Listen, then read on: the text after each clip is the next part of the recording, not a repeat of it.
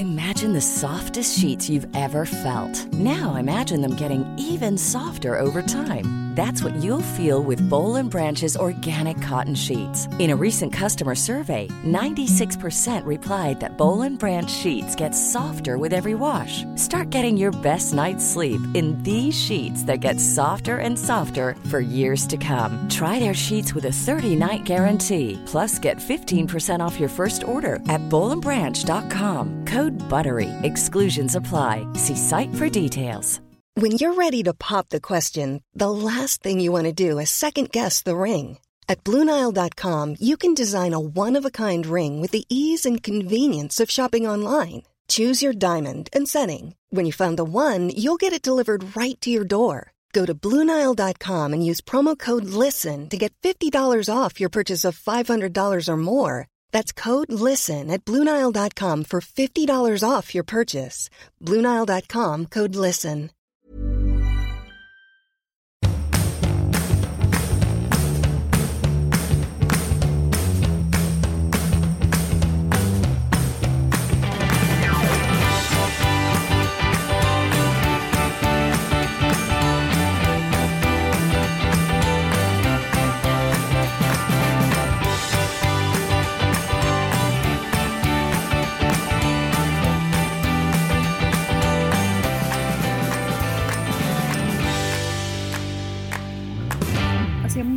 Ta upp en grej som har jäckat mig. Geckat mig.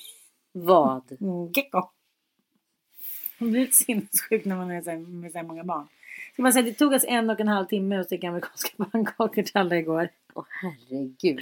Vilket projekt att Ja. den startar. Men Lotta, så mycket ska de äta mer? Hon, där är ju faktiskt lite skillnad i en viss ålder. Att killar kanske äter lite mer. Okej, tillbaka till förlossningen. Eh, på 70-talet så var det så här. Om man kom in eh, kvart över fem. Då fick man ju ingen smärtlindring under helgen. För då hade den narkosläkaren gått hem. Den gått hem från dagen. ja. Men kom man kvart i fem. Då fick man det. Det är lite roligt. Men det sjuka är att jag måste. Jag, jag vet inte, jag har inte velat prata om det här. Men min sista förlossning gjorde ju inte ont. Okej. Nej men jag tänker många säger så här, men gud himla härligt, det gjorde inte ont. Även ibland om första förlossningen. Det har jag varit med om vissa som var så här, jag förstår inte vad jag snackar om, jag tycker inte alls att det gjorde ont. Bara, Nej, sure. Och jag tyckte det gjorde så vidrigt ont varje gång så jag nästan har dött. Och nu så var det så här, det är klart att det gjorde ont, men det var så här, jaha, nej. Men det är ju lite så, jag kommer ihåg första gången jag stoppade in en spiral och de följde upp det där lilla paraplyet i livmodern. Och jag trodde på fullaste allvar att det var den sjukaste smärta jag känt i hela mitt liv. Och tänkte så här, det här, det här går inte att beskriva. Alltså så här ont kan ingenting göra. Mm. Till att då sätta in den där spiralen efter man fått två barn och livmodertappen då var det uppmjukad och öppnade ett par gånger. Mm. Jag bara, jaha, då var det klart. Då var det klart. Alltså, jag var så nervös innan för jag visste hur ont det hade gjort Mm, gången innan barn. Liksom. Men eh, ja, spännande, spännande. Spännande, spännande. Så att egentligen kan vi inte lära oss något av den här historien. Man blir bättre på saker och när man är som bäst då ska man inte göra något mer. Nej, verkligen inte. Inte det bittert? Jo, verkligen. Men inte bara en show. Den ska vi fortsätta göra. Den ska vi verkligen fortsätta göra. Nässjö är nästa stopp till rakning höll jag på att säga. Och Mm. det är den 29 november. Ni som var på showen i Jönköping får ju gärna spread the word till grannorten. Och Mm. eh, kanske dyka upp där med om ni orkar. Mm. Eh, Den här gången vågar vi utlova lite fina goodiebags som tyvärr inte dök upp eh, i Jönköping. Men nu, nu kommer det.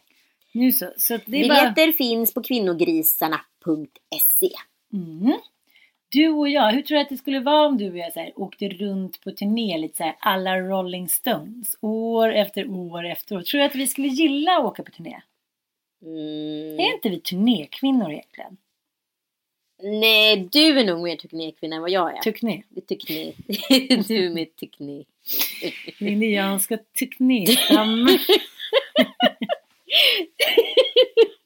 Nej men jag gillar ju att köra bil. Mm, det gör du. Du är Mm. bra på det. Jag är bra på att köra bil. Du ska också hela tiden instagramma samtidigt. Men ja, det är Ja. så det är. Det är så det är att Mm. åka med mig. Mm. Åka med mig. Åka med mig. Det är så det är att åka med. Ja. Nej men jag tror ändå att vi skulle kunna vara ja, men alltså kanske inte så här året runt, år efter år efter år. Men lite så här, lite då och då. Det är mysigt. Ja, jag jag älskar den där det energin. Så här, och man går in och man går ut och det är så här publik och man får nej. nej men jag tycker det är så roligt. Du säger att jag är applådjunkie. Ja, Mm. precis. Som när jag var lite nervös där inför eh, Jönköping. Då sa jag så här, men ingen fara. Så fort du kommer ut på scenen och folk börjar applådera då Ja, då börjar rampljuset skina både utanpå och inuti han. Därför- strålar Då själen blir helt röd. Det är jobbigt också när man pratar lite eh, om människor. Kanske inte, ja, man kanske inte berättar saker som man får berätta. Och så får man sen något mejl någon dag och bara Hejsan svejsan, det här är Linus från Jönköping. Hörde att du hade nämnt mammas och pappas skåp med porrtidningar. Nej! Och min gamla källa, kul att du minns. Nej, du skojar med mig! Nej, nej, jag var såhär, okej då. Fick du göra en pudel? Nej, men han tyckte bara att det var roligt. Gud, Ja, vad skönt att han Mm. tog det så, så det Mm. inte var på något annat sätt.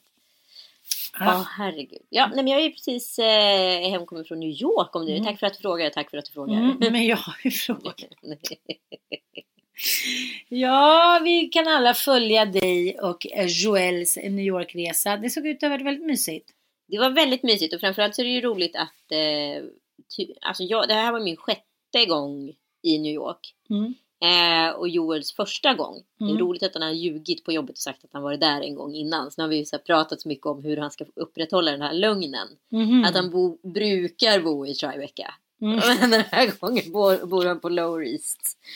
För att det är mer inne.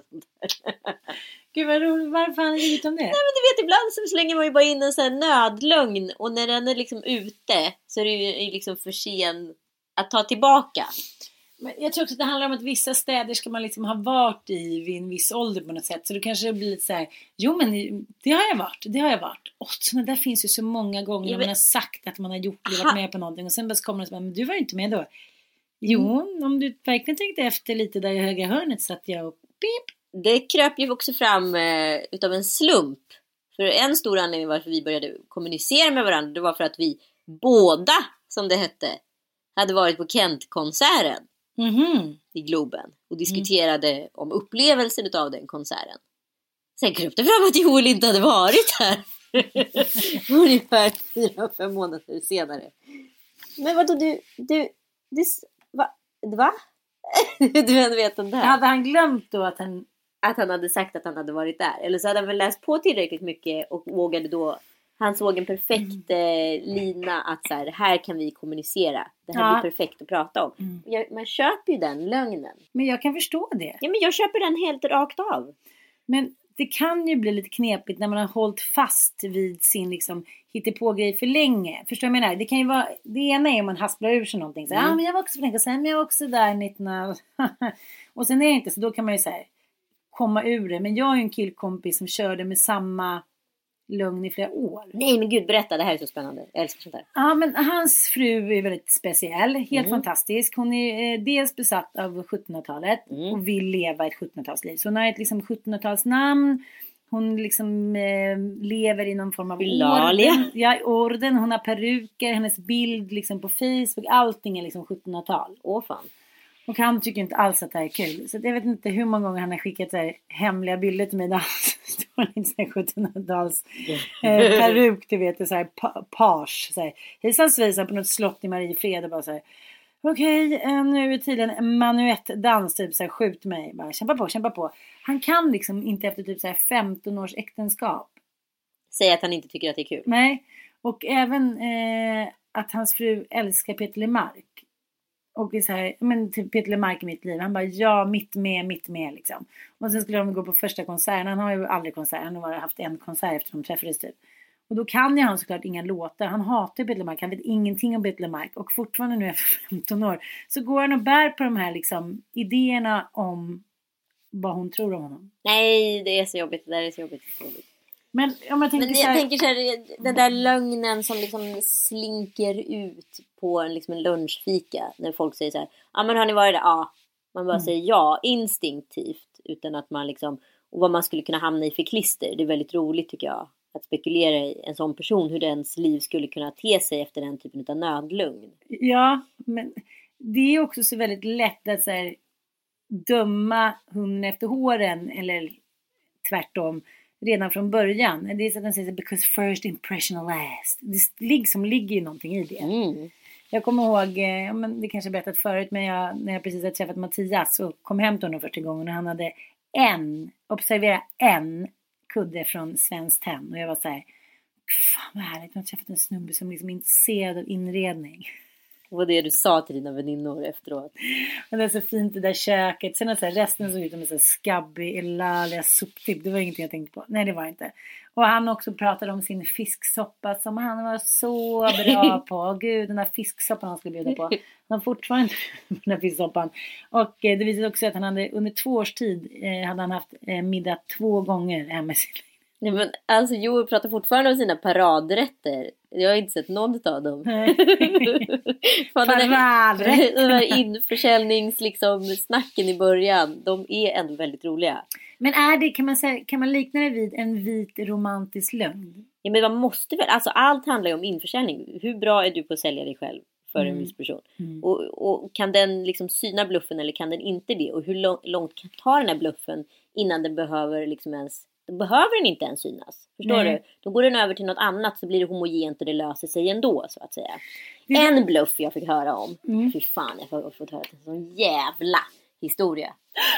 Ja, men det här är ju liksom när man har lite för mycket pengar, Mm. eh, lite för lite att göra. Mm. En känd manlig skådespelare. Det här är en amerikansk skådespelare som iscensätter sin 50-årsdag på följande sätt. Att han blir eh, när han landar på LAX i sin privatjet så kommer det ett eh, team på maskerade män, biffiga maskerade män och kidnappar honom och tar honom till sin födelsedagsfest. Där han liksom fortsätter bli jagad utav de här maskerade männen. Alltså det är han som har iscensatt det så han vet ju liksom eh, slutet utav scenariot vad som kommer ske. Så han jagas runt där på festområdet eller i huset eller vad det nu är. Och så till slut in i ett sovrum så får de tag i honom och då sätter de på honom allihopa.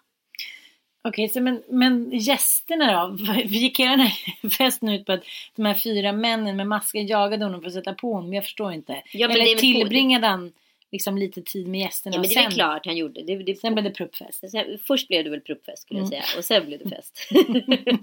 Det är inte helt fel. Nej, det är Nej. inget, inget fel på... Pruppfester kan också vara Ja. bra fester. Nej men det, det är ju en annan typ av bluff. Mm, jag fattar.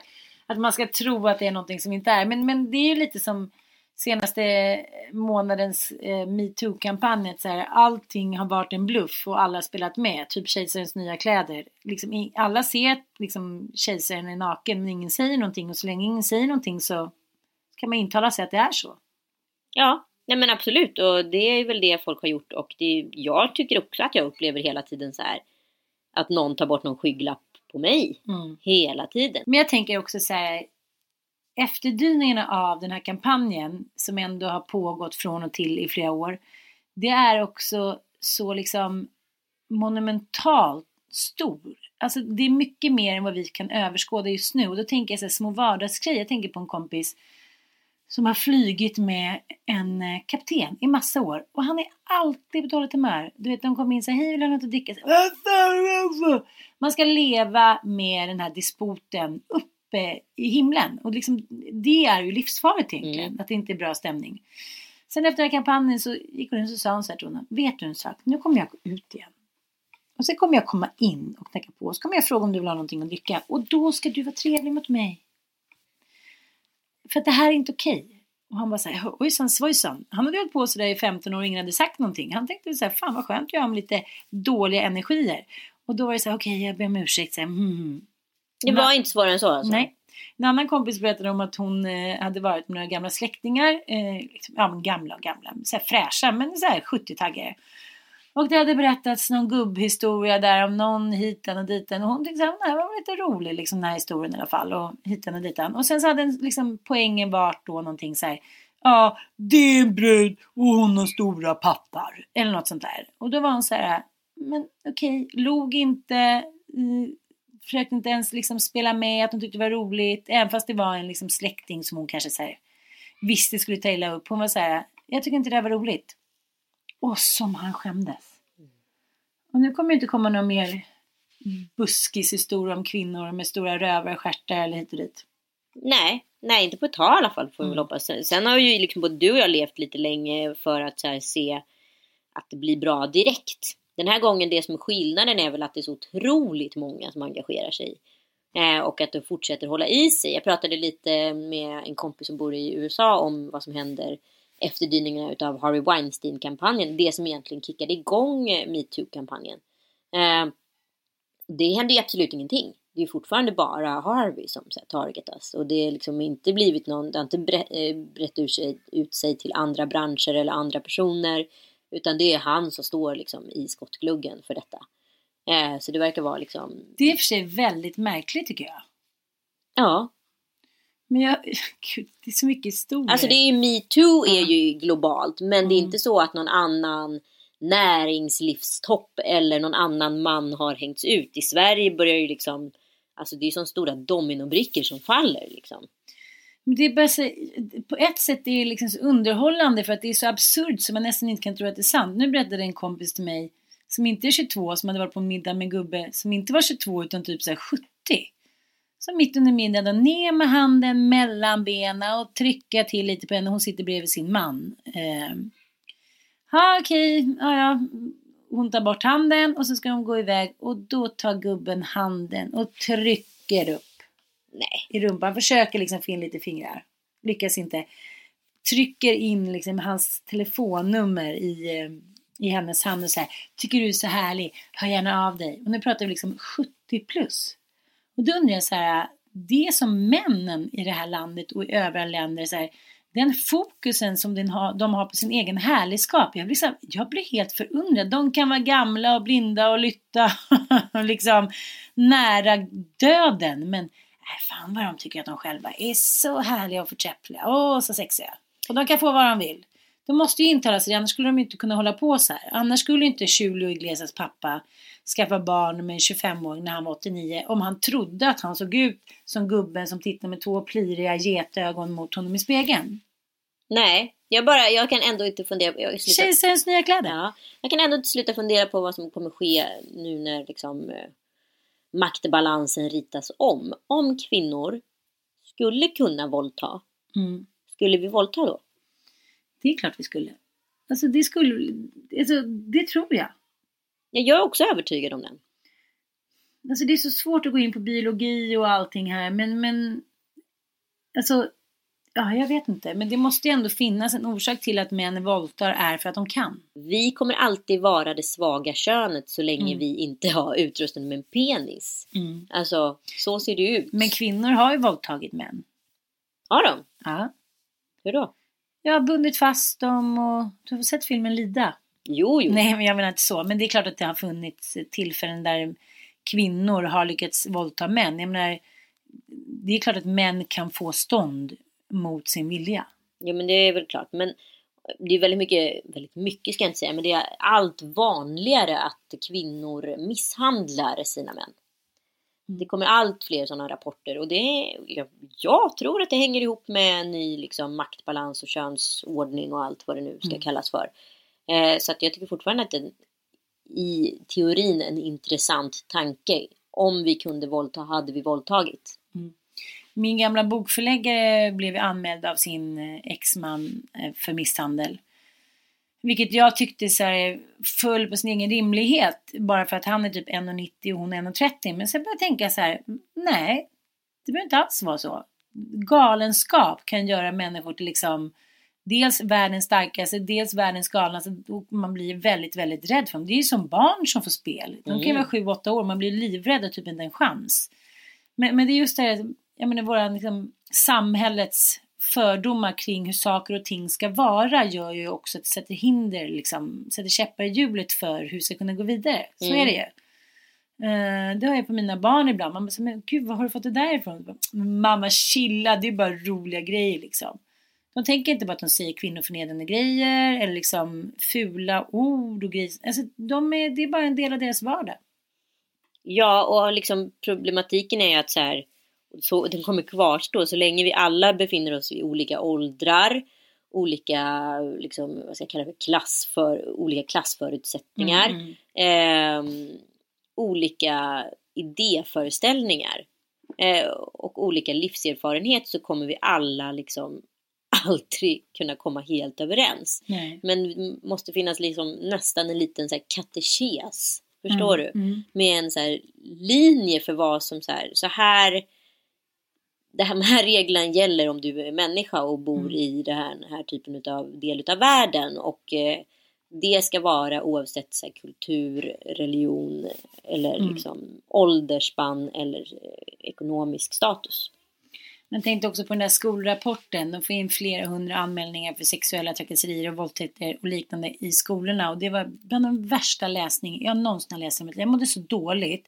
Så jag kunde bara läsa liksom tio stycken fall i taget. Sen var jag tvungen att här, ta lite frisk luft och hitta på något annat och sen läsa tio till. Liksom. Så som barn och ungdomar håller på mot varandra ute i skolorna med våldtäkter och mobbing och misshandel och förnedring och fan hans moster. Och då har liksom de på skolan bestämt sig, nej, det känns bättre att inte går vidare eftersom de var så unga. Man måste liksom ta ett helgrepp kring det här. Ingen sån här jävla skit ska tolereras.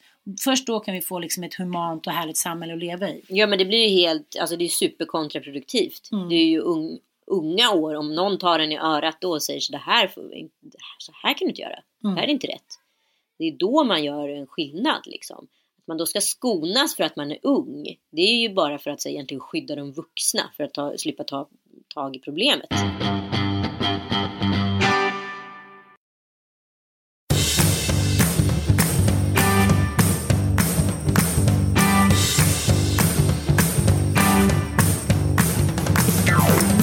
Men det där har jag varit med om flera gånger som till exempel när man är på journalistresor eller när man är någon annanstans eller på någon middag där man kanske inte känner barnet i fråga så himla väl.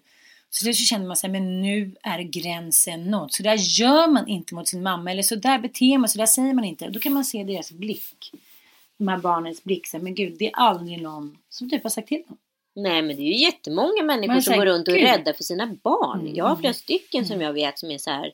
Jaha, okej, jaha, nej, nej nu, nu ville inte hon det så, nej men då, då blir det helt enkelt så att vi inte, nej då går inte vi till Skansen idag. Nej, nej det gör inte vi. Nej. Men vänta vad fan du är en treåring, är du dum i huvudet? Det är bara att lyfta människan och gå. Mm. Bara jämför med vårt så här, när jag uppväxte på 70-80-talet. Man bara, vad kul om mamma och pappa dök upp på den här festen. Alltså där fick man ju bara åka med. Mm. Kanske något mittemellan liksom. Men kanske en mittemellan värld av detta. Ja men jag tror framförallt så här att våga agera, våga liksom visa, eh, våga ta diskussionen. Den är väl supervettig att ta och det finns ju liksom, det är klart att det finns jättetydliga rätt och fel i det här fallet. Men alla är ju inte liksom med alltså på bollen lika fort som alla som föddes i förrgår jag på. Nej, nej. Det är jättesvårt att lära Elisabeth Höglund-generationen att tycka som Mm. en eh, ung 90-talist. Mm. Jag tänkte på det när vi hade vår lilla ettårsfest för frallan i lördags. Eh, männen, vad 40-talistmännen, hur de liksom Åh, det måste ske på sekunder när de känner ett behov av någonting. Nu vill de åka hem, nu är de hungriga. Och vet, jag blir galen på min pappa, men jag försöker så här, hålla i mig. Han är gammal, kanske inte lever så länge till. Men det är så här, jag blir så irriterad när hans röst när jag är så här, Ja, jag ska, jag ska laga mat någon gång. Är du hungrig? Ja, mat vore gott. Typ så här, vad fan är maten på bordet? Mm. Förstår du vad jag menar? Jag här, Men det där har jag också haft med min pappa när de kom upp, upp till Stockholm och hälsat på och sen så bara Jaha, var är maten? Mm. Man bara vadå? Jaha, var är maten? Den går där borta, du måste skjuta måste, men vad menar du med det? Nej men då åker jag hem då! Ja, så Är det det då. som är lösningen Mm. ifall inte maten står på bordet? Jag tänkte att vi lagar mat, vad tror du om det? Jaha, nej men jag är jättehungrig nu, du är hela dagen förstörd och sen så liksom, då är blodsockret i botten Mm. och sen så är det liksom koleriskt och galenskap och man bara så här, vet du vad gubbstrutt, åk hem. Mm. Åk hem om du känner dig att det är mycket bättre. Att det är Mm. ett klokt, rationellt beslut som du tar under hungerns intågande. Så gör det. Men jag tänker också att det är så många så här, pojkar som blir män och sen blir gamla och ingenting händer med deras utveckling. Förlåt om jag säger så. Jag ser liksom så här, Bobo kan köra med sitt liksom. Då tänker jag inte jag gör det om inte jag får det. Man bara, okej men gör inte det. Mm, mm. Och så gör de det liksom. Och så ser man sin man så här, nej, då tänker inte jag följa med om det ska vara så. Nej men gör inte det. Jo, det vill jag visst göra. Och så ser man sin pappa så här, ha, men då, då det finns någon mat, då, nej men ät inte då. Det, det tänker jag visst göra. Man bara, men gud, har ingenting hänt? Ingen ska Man ska trilska, skolor ska lockas, man ska klappa på huvudet och badda deras pannor. Ja, men Aftonbladet, eh, eh, jag, jag måste bara säga en sista grej om metoo, för nu har vi tjatat om det här i typ 15 poddar.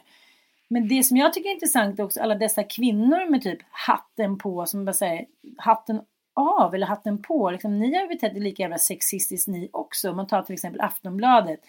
Och Virtanen har gjort det och det och TV4 de har gjort det och det. Men alla, alla chefer och alla som jobbar där har vetat om att X, som vi kallar då för reporten, kommer in på liksom vid nattdisken och säger så här, Tja, har du varit hemma och mamma ledig? Är du stor i fittan nu då? Tja, är du en sån där brud som, eh, du är en sån där brud som gillar att åka och knulla negrer. va? Bara fortgått, fortgått, fortgått år efter år. Så jag tycker så här, alla sitter i samma båt. Det är ingen som är mer eller mindre skyldig. Så här, vi sitter där tillsammans och nu får vi fan rensa upp bland de fula fiskarna. Ja, nej, men det sjuka är ju att det där har ju blivit liksom så här normaltillstånd. Man är lite så här, ja men han pratar så. Och så bryr man sig inte. Alltså det blir, jag kan ju också uppleva att det blir, för, missförstå mig rätt, att man inte liksom, man lägger ingen värdering vid den personen för att man inte ens ser det som ett hot. För det är så bisarrt så det går inte ens att ta. Det, det är som ett barn, förstår du? Det är som ett barn är i rummet, att man inte bryr sig. Ja, ja, men han, nu kör han sin grej. Låt honom bara hålla så kan, kan vi prata vidare, vi vuxna vid vuxenbordet om det där. Ja, och sen så låter man det passera. Jo, för att det kan ju du och jag som har någon så här livserfarenhet, vi har någon form av karriär, vi kan ju sitta och vifta. Men Jo, när man kommer hit som en ny rookie vid tänker- 20 års ålder vid Aftonbladet och de börjar prata här, nej men då är man inte kaxig. Nej, det är väl klart man inte är. Men jag säger att anledningen, det är det jag menar med de här skygglapparna jag själv liksom plockar bort på mig själv hela tiden. Det är på grund av att jag har varit en av de personerna som också varit så här. Ja, ja, men nu, han, bara skit i honom. Nu, vad var det vi snackade om? Och sen så Mm. liksom, jag har inte ens tänkt på att någon skulle liksom rimligen kunna bli förolämpad för att man själv är så jävla luttrad med den här typen av snubbe. Mm, jag fattar, jag fattar. Men då måste man ju så här äh, avfärda ett helt släkte. Ja. Det blir ju inte lätt liksom. Nej, men jag får också säga mycket backflash från när man liksom ungdomens tid när man precis hade börjat dricka lite vin med sina föräldrar, hade med sina pojkvänner till liksom sommarstället. Och pappa, ber om ursäkt, alltid liksom, ja men var på lyset vid typ så här halv elva, elva och ville gå och lägga sig. Mm. Och då hade man kanske, om det var ens egen man, tänkt liksom, vad fan, skärp till det nu liksom. Nu, eh, det är väl liksom inte så kul om du går och lägger när vi sitter här med våra barn och hit och dit. Men det var samma sak där. Kom ihåg, vi såg lite på, på pappa, ja men vadå? Nu har han gått och lagt sig, nu kan vi ha lite trevligt här och vi som klarar av att dricka lite vin och vi som klarar av att ta några Pillis och sitta och prata till liksom morgonen gryr. Nu har vi fritt fram. Och jag kommer ihåg att min mamma typ gick och nattade pappa. Men gud, vilken förnedring. Ako, kom och lägg dig hos mig. Kom och lägg dig hos mig. Och så gick liksom mamma och det la sig bakom pappas stjärt så han skulle somna och sen gick hon upp igen. Som ett barn. Mm. Ja, det jag säger. Vi har hanterat de här männen för vi har liksom de har, vad ska vi säga, så här, avsexualiserat så pass mycket för oss att vi har liksom, liksom ställt dem i paritet med ett barn. Mm. Och därför har de inte blivit ett hot för oss. Mm. Och åh gud, det är så jävla tragiskt. Det är, alltså, vi har ju gjort oss själva en sån jävla otjänst. Liksom. Men jag tror det är samma sak som när vi pratar om eh, ja, reporten och krönikören och allting som vi själva känner och som vi har umgåtts med och jobbat med. Att vi aldrig har eh, blivit utsatta för den här typen av maktmissbruk. Just för att vi inte har känt de här männen som ett hot.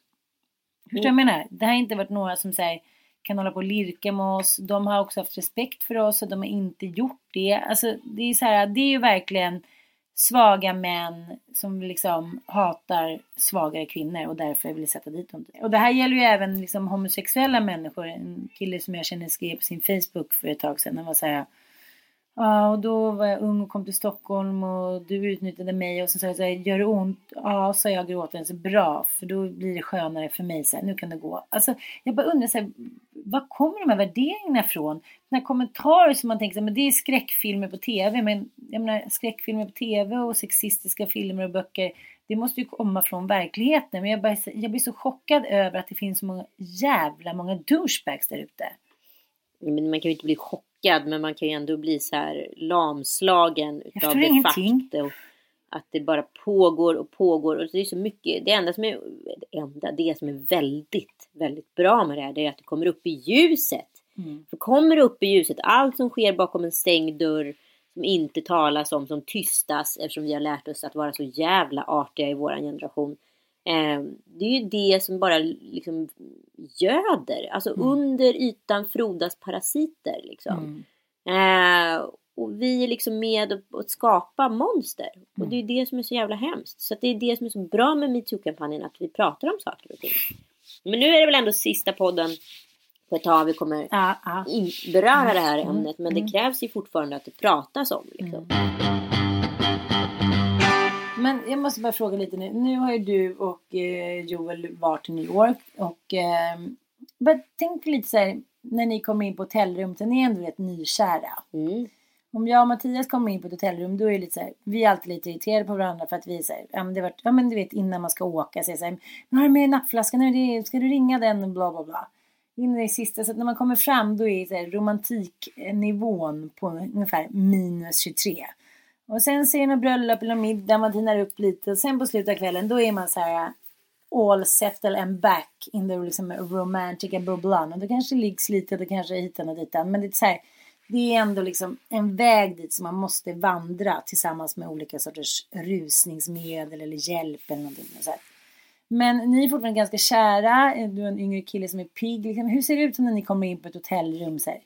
Är du, en? Berättar du lite, du är ju väldigt så här, du är ju lite besserwisseraktig. Det kan jag också känna när man bor med dig. Så här, det ska vara på ditt sätt och nu gör vi så, nu öppnar vi den här och sen ska vi basta. Du gillar ju verkligen och du vill ju bestämma lite.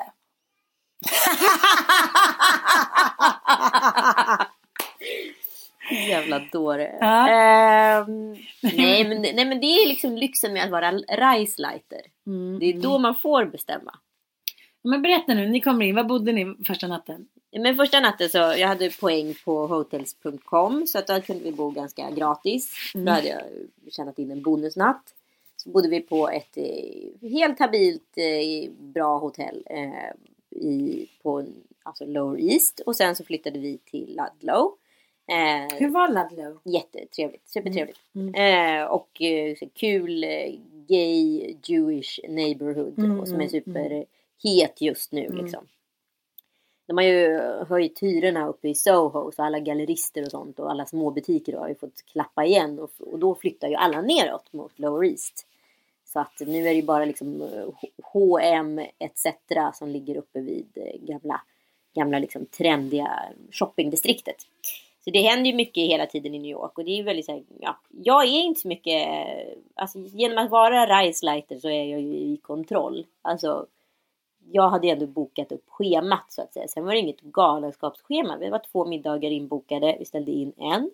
Eh, och det var vad heter det, Book of Mormon som vi skulle gå på. Och det var det, men jag vet också vis av erfarenhet eftersom det var min sjätte gång i New York att man orkar inte lika mycket som man tror att man ska göra för att stan äter upp en. Mm. Tittar du uppåt ur en skyskrapa då är du helt plötsligt i Inception. Det känns som att man kan gå rakt upp i himlen. Det tar liksom mycket energi att vara i den stan för den kräver mycket av en liksom, som besökare.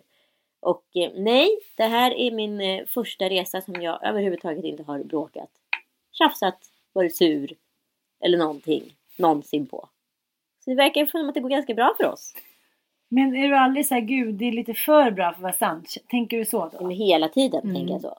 Eh, och sen så kände jag ändå att det var ganska skönt när det har varit så intensivt. Vi har ju nästan hängt en hel vecka tillsammans, bara han och jag liksom. I och med att jag inte hade barnen innan vi åkte.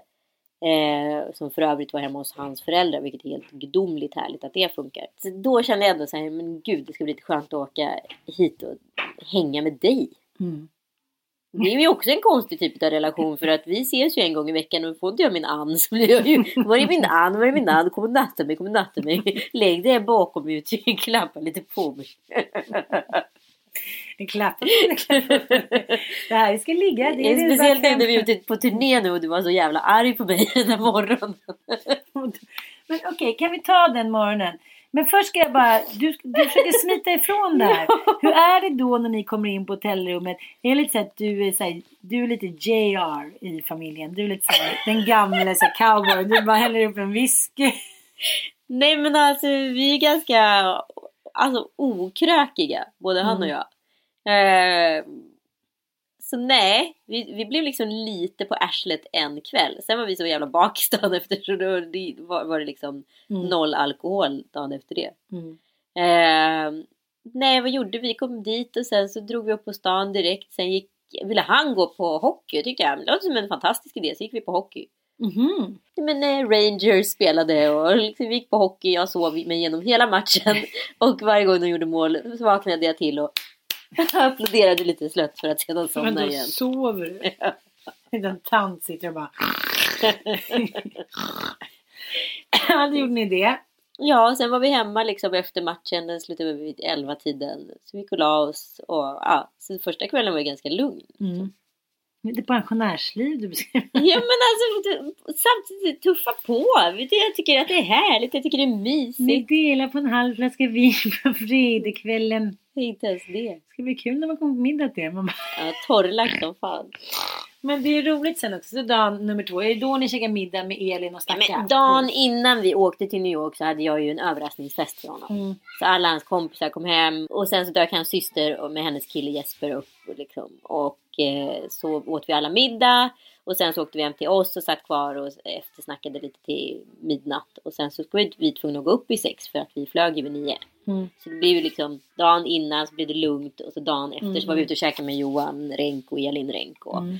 eh, det var ju svintrevligt och då var det ju jag som hade dockat Nobu som jag älskar. Udda, udda. Oj då, oj då. Men eh, och då, då är Joel med där och han är lite blyg. Jag bara tycker det är lite så här roligt. Stacke är ju underbar men han är ju, ja, men han är ju som alla vi människor i den här branschen. Vi snackar ju på. Ja, men han börjar ju lära sig nu. Alltså vi är såna jävla babbelmajor. Men han är ju journalist i grunden. Så att det, det, kommer till hans fördel att han är bra på att intervjua. Det kan ju han ju gömma sig bakom. Sin egen blygsel. Ja, jag fattar. Så det blir så här spegel. Jag, jag ger er det ni vill ha i egenskap av att jag är en god intervjuare. Typ. Mm. Nej men vi hade faktiskt eh, en svinhärlig middag som drog ut eh, ganska långt på kvällen. Så Mm. vi var hemma ganska sent. Mm. Så gick vi faktiskt ut på klubb efter det. Men är du någon gång nervös när ni ska på någon sån här middag att ska, han ska tycka att det är jobbigt? Nej, i början var jag mer nervös för att jag tyckte att det var jobbigt. Mm. För att eh, det kan man ju ändå säga om Kalle Schulman, att babbla, det kan han. Mm. Eh, så att man har aldrig behövt driva. Och nu får man driva lite. Mm. Men nu känner jag att jag kan slappna av mig. Ju mer trygg jag blir med Joel, ju mer kan man ju slappna av. Mm. Och att lita på att faktiskt, han klarar sig bra ändå och jag behöver inte få panik. För att det är tyst vid bordet i två sekunder. Kan vi gå tillbaka till ditt och mitt? Ja, Eh, det, det är vårt vendetta. bråk.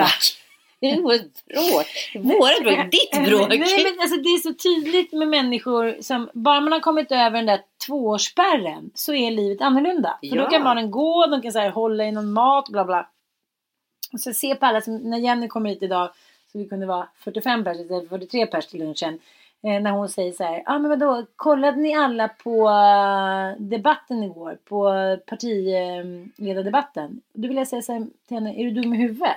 Så här, det är 12 barn här i liksom olika åldrar som bara så tänder eld på grejer, ska åka motorcykel, skriker, ramlar, bajsar på sig. Nej, men det, liksom, jag, jag förstår inte ens frågan. Förstår du vad jag menar? Nej, men hon lever ju ett annat liv för att hon har ju Jo. stora barn. Jag vet, men det är, så här, det är så sjukt hur snabbt man inte längre kan sätta sig in i en annan människas liv. Nej. Jag tänker också när du Så- och jag bor tillsammans. ja. Mm. Först så sitter vi med våra fans som är skitgulliga. Helt plötsligt säger du så här, nu orkar inte jag mer, nu går jag upp. Och det respekterar jag, för jag orkade inte heller sitta kvar. Men det gjorde jag ju då. Och, Behu, behu, stackars dig. mm, men jag, jag tyckte fortfarande att det liksom, jag orkade en liten stund till. Kom upp, du minns inte ens att jag har kommit upp. Du säger, jag är lite så här Jag glad. somnar ju direkt. Ja, jag är lite så här glad, går in och bastar för mig själv och tar lite så här selfies så i bastun. Uh, sen Det är fortfarande inte mitt fel. Nej, men klockan sex på morgonen så, så här, Ärtan Södlund som ligger bredvid så här, ligger och spelar upp klipp från vår jävla podd som ni nu lyssnar på.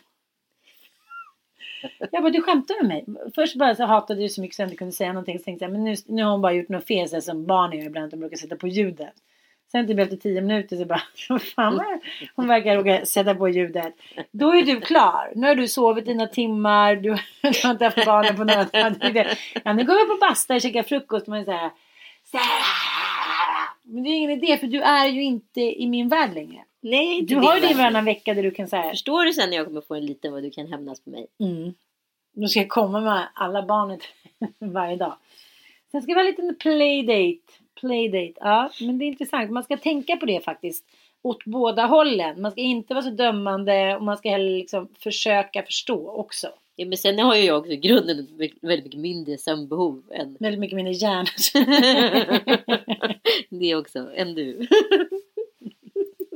Nu är det Anita Schulman, nu är det nog dags för oss att gå ner till spindlarna där nere för nu ska det bli halloweenfest. Är det halloween, eller halogenfest kanske? Ja, Lotta har köpt en skelettdräkt till mig. Oj, Mycket oj, tajt. oj. Trevligt. kul.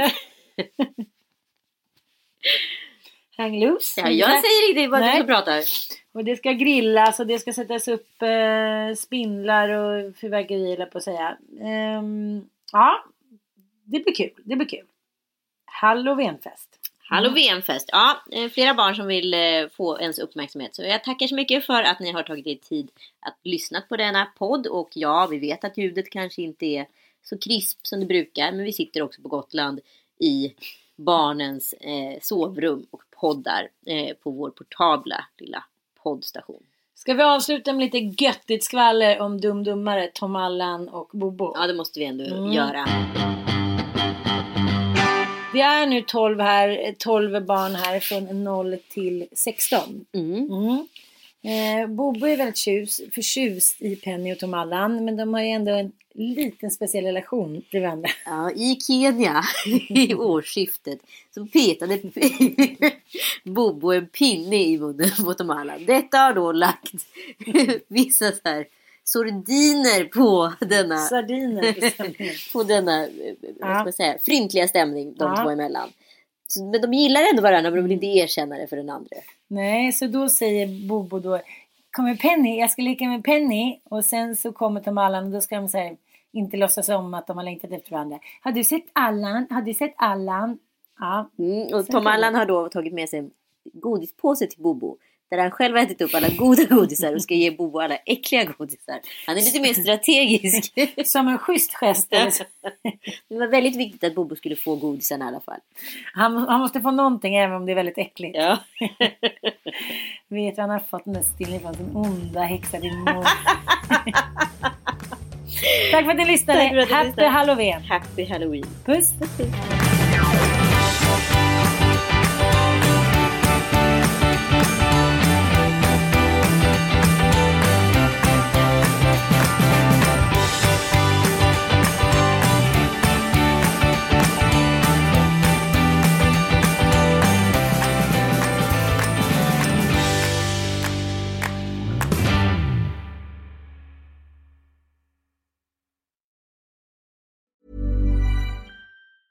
Normally, being a little extra might be a bit much, but not when it comes to healthcare. That's why United Healthcare's Health Protector Guard fixed indemnity insurance plans, underwritten by Golden Rule Insurance Company, supplement your primary plan so you manage out of pocket costs. Learn more at uh1.com. Hey, it's Paige DeSorbo from Giggly Squad. High quality fashion without the price tag. Say hello to Quince. I'm snagging high-end essentials like cozy cashmere sweaters, sleek leather jackets, fine jewelry, and so much more. With Quince being 50 to 80% less than similar brands. And they partner with factories that prioritize safe, ethical, and responsible manufacturing. I love that. Luxury quality within reach. Go to quince.com slash style to get free shipping and 365 day returns on your next order. Quince.com slash style.